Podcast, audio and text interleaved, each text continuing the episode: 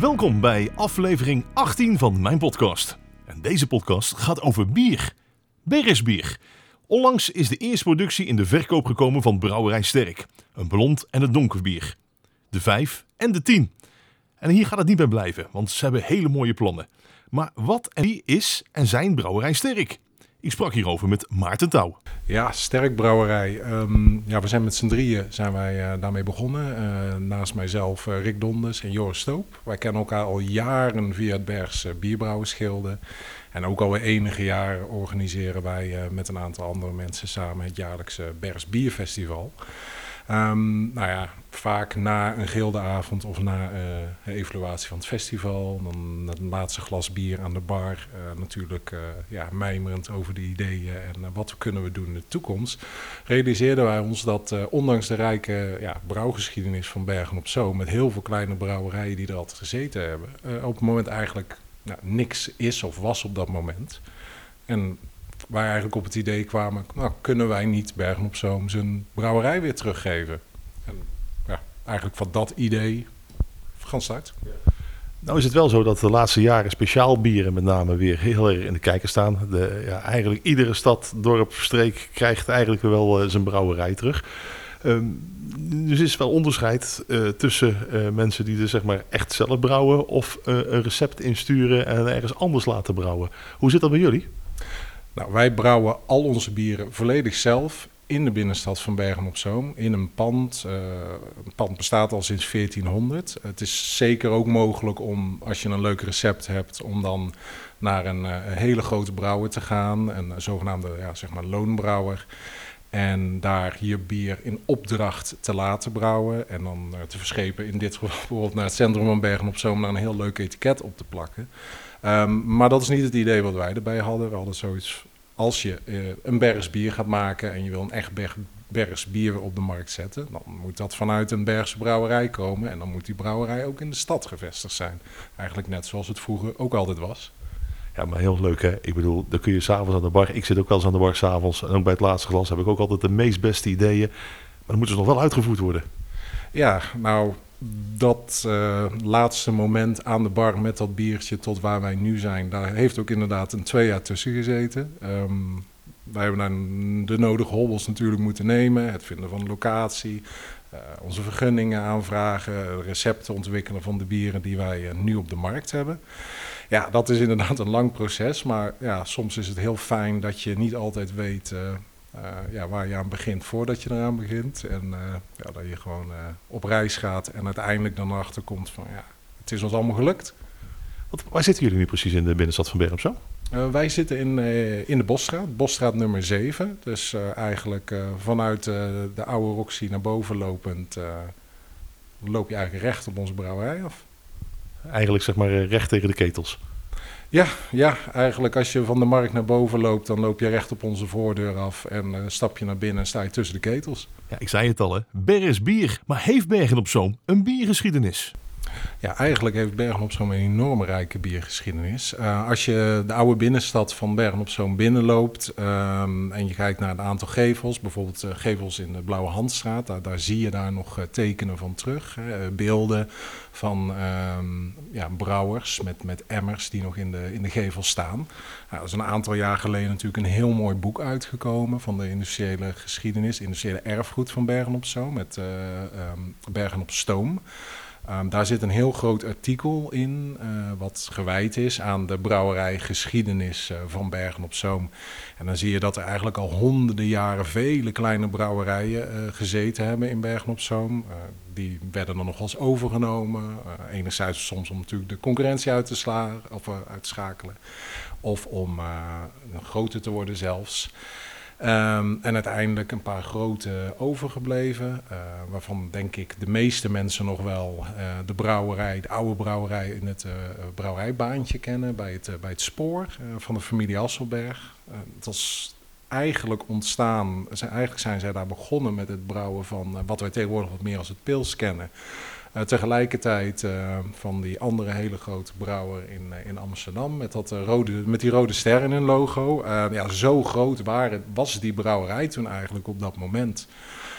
Maar eigenlijk ja, door de, de dingen die voorgevallen zijn in de geschiedenis, de wereldoorlogen. Er is een tijd best wel een strenge importheffing geweest voor, voor bieren vanuit Nederland naar, naar België.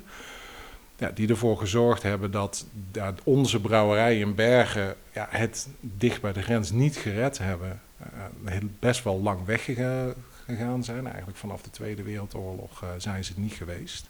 Ja, nu zien we ze al om ons heen allemaal weer ontstaande kleine brouwerijen. Dus ja, waarom dan niet in Bergen op Zoom? Ik moet zeggen, als we gewoon puur eventjes rondom ons heen kijken, Pak Breda, uh, Zeeland doen we ook al aardig wat mee. Uh, Steenbergen, Antwerpen. Ja, ze, ze komen allemaal eigenlijk met, met, uh, met ja, plaatsgebonden of streekgebonden bieren. Ja, ja, precies, absoluut. En we weten allemaal dat de Bergenaar, ja, als ook maar iets te vieren is en er wordt een goed glas uh, bier geschonken en er is wat lekkers bij te eten, ja, dan, dan zijn we er de kippen bij. Um, dus ja, wij uh, zien hier volgens mij alleen maar een hele leuke aanvulling voor, uh, voor de Bergse binnenstad in. Nou is de naam van de brouw, brouwerij Sterk. Dat, dat refereert dan waarschijnlijk naar merk toch hoe sterk? Ja, dat is natuurlijk uh, niet geheel toevallig gekozen. En uh, het lijflied van Bergen op Zoom, het, uh, het merkt toch hoe sterk. Als je ook op het flesje kijkt en ook op onze logo's op de brouwerij, dan zie je een klein monogrammetje staan met de MTHS van het merk toch hoe sterk daar ook in verwerkt. Ik had er al aan zitten kijken en ik denk, wat, wat zou het zijn? Maar ik ben blij dat ik het nu weet. Want ik, ja, zijn er nog meer verwijzingen naar die, die geschiedenis van vroeger? Of is dit gewoon eigenlijk wel hetgeen wat je zo, zoals je het net vertelde? Uh, nou, in onze brouwerij doen we eigenlijk de uh, verwijzingen naar de geschiedenis door onszelf, door het pand en op de manier waarop wij brouwen. Um, we zitten in een historisch pand, een, een pand van ruim 600 jaar oud, met een gewelvenkelder waar wij ook vaten in aan het aanleggen zijn, houten vaten om bieren op rijping te kunnen leggen. Maar ook het brouwproces wat wij hanteren is echt het oude traditionele brouwproces. Dus er zit vrij weinig automatisering in. Het is echt uh, zoals we het kennen met het water, de mouten, het hop en de gist. Wij doen daar nagenoeg alles nog volledig handmatig in, zoals het toen ook gebeurde. We voegen daar ook geen conserveringsmiddelen aan. Echt de oude, traditionele manier van brouwen, zoals het uh, al honderden jaren in Bergen op Zoom gedaan werd. Ik vertelde het in mijn inleiding al. Bier van Brouwerij Sterk is nu verkrijgbaar in de 5 en de 10. Ja, klopt. We hebben op het moment uh, de Sterk 5 en de Sterk 10 uh, uitgebracht. Ja, ja, ja. Oké. Okay. Sterk 5 en Sterk 10. Dat betekent dus dat ik, als ik iets wil hebben, dan, dan vraag ik om de 5 of dan vraag ik om de 10. Ja, zo eenvoudig uh, is het eigenlijk. Um, je ziet tegenwoordig wordt er best wel creatief omgesprongen met biernamen. En uh, dat is allemaal heel leuk en heel creatief en heel gezellig. Maar uh, ik weet niet of veel mensen na een halve dag nog weten hoe dat lekkere biertje ook alweer heette. Um, dus wij hanteren heel simpel nummers en een kleuring in de dop die de bieren onderscheidt. Waarin wij dan aanhouden alle even nummers zijn onze donkere, bruine bieren. En alle oneven nummers, dat zijn onze ja, gouden, lichte, blonde bieren. Nou, laten we dan eens bij die gouden, licht, blonde bieren beginnen. Uh, welke smaak hebben jullie als eerste gemaakt? Um, als eerste hebben wij in de blonde bieren de Sterk 5 uh, gemaakt. Uh, dat is een, een, mooi, vol blond bier. vrij licht in alcohol. Het is 6,2 procent. Dat is eigenlijk net iets meer als het bekende pilsje. Heeft wel veel meer smaak, veel meer body. Blijft ook lang hangen nadat je hem doorgeslikt hebt. Um, wat tonen van zoet, zonder dat hij heel erg doorslaat. Kan je lekker koel drinken. Is een, ja, is een echte dorstlesser.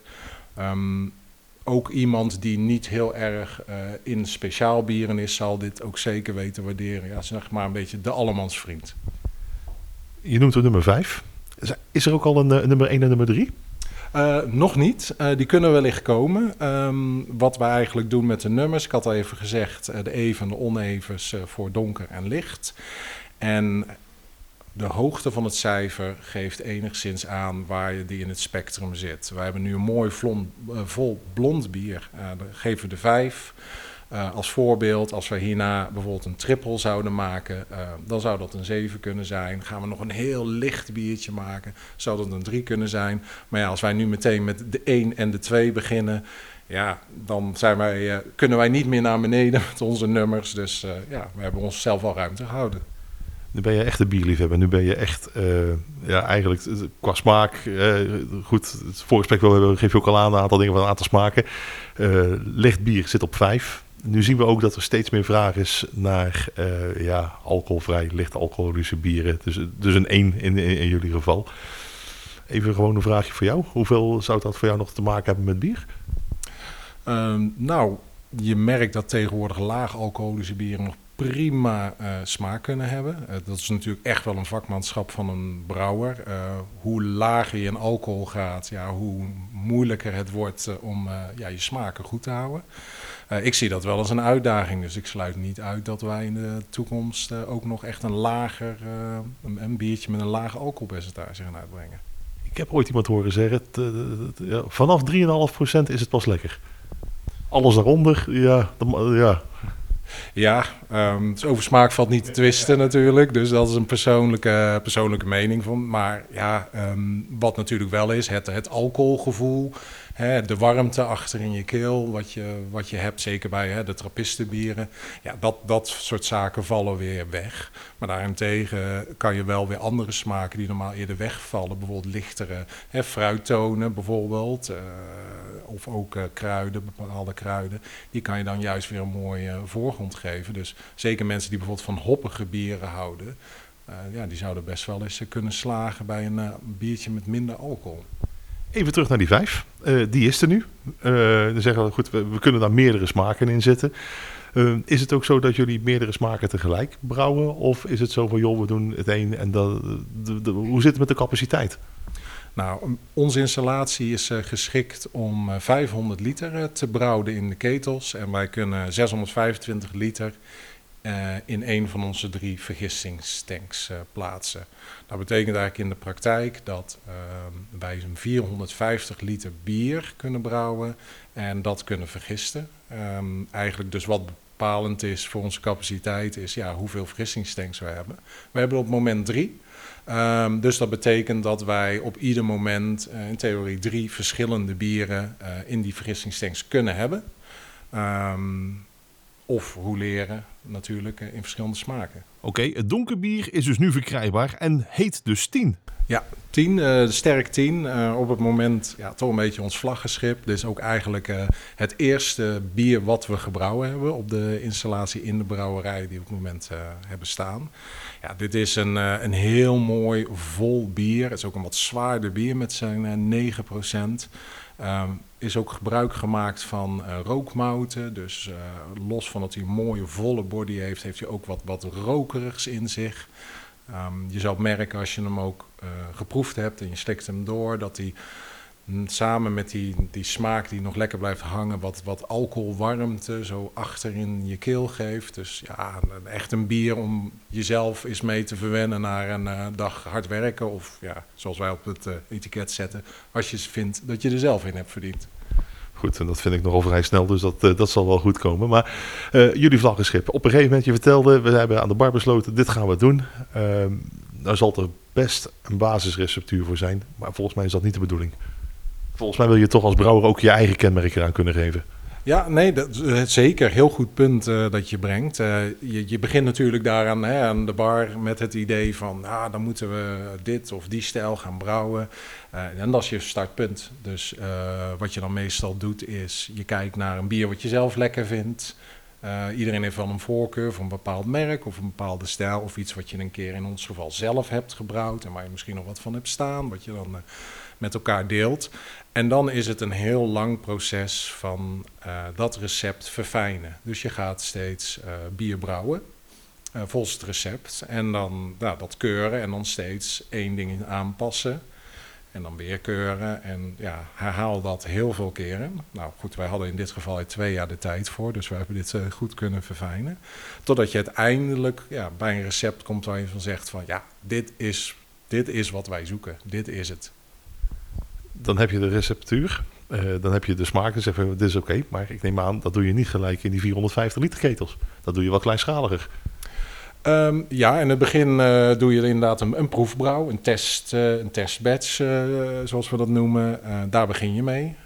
ja, die proef je, dan vind je daar zelf natuurlijk iets van. Dan denk je zelf van, dit is hem. Je laat hem eens aan wat bekende proeven om te kijken van ja, ben ik nou zo bevooroordeeld uh, doordat ik hem nou al twintig keer gebrouwen heb? Of uh, blijft, dit, uh, ja, blijft dit het bier? En uiteindelijk ga je dan opschalen naar een grote receptuur, 450 liter. Ja, dan, dan begint volgens mij het spannendste gedeelte. Want dan, ja, goed, dan ga je het, het, grote werk doen. is het altijd goed gegaan? Ja, met zoveel dingen, het vallen en opstaan leer je. Wij beginnen natuurlijk ook met een, uh, met een installatie die voor ons op dat moment ook nieuw was. Ehm, dus ja, uh, wij hebben daar in de eerste keren heel veel van geleerd. Wat het fijne is, omdat er tegenwoordig meerdere van hè, kleine lokale brouwerijen zijn, dat, dat, daar is een hele goede community in. er is heel veel collegialiteit onder, onder de kleine brouwers onderling. Um, dus wij kunnen altijd te raden bij collega-brouwers hier uit de regio, die, ons, hè, die al wat langer brouwen op de installaties, die ons ook daarin advies geven. Hè, de valkuilen waar zij in getrapt zijn, uh, daar zijn wij tijdig voor gewaarschuwd. Um, dus ja, op een, uh, op een paar uh, ja, struikelingen na, um, ja, is toch eigenlijk boven verwachting goed verlopen, die eerste brouwen. Nu heb ik van de tien de eerste slokken genomen. Ik, uh, ik ben erg enthousiast. En, uh, en, ik denk dat ik niet de enige zal zijn, maar dat er met mij nog veel anderen ook heel erg enthousiast zou zijn. Uh, ja, dat betekent dus dat er wat meer gebrouwen moet gaan worden. misschien dat, dat je op een gegeven moment echt constant aan de bak moet. Wat, wat zijn de plannen een beetje? Hoe, hoe zien jullie de toekomst? Nou goed, wij zijn nu kort begonnen, dus uh, waar wij hopen dat uh, Bergen op Zoom en, en de omgeving ja, onze bieren wel on, omarmt. Dus dat, dat de Bergenaar uh, af en toe eens aan ons denkt en een, een, sterk biertje bestelt op een terras of, of koopt in de winkel.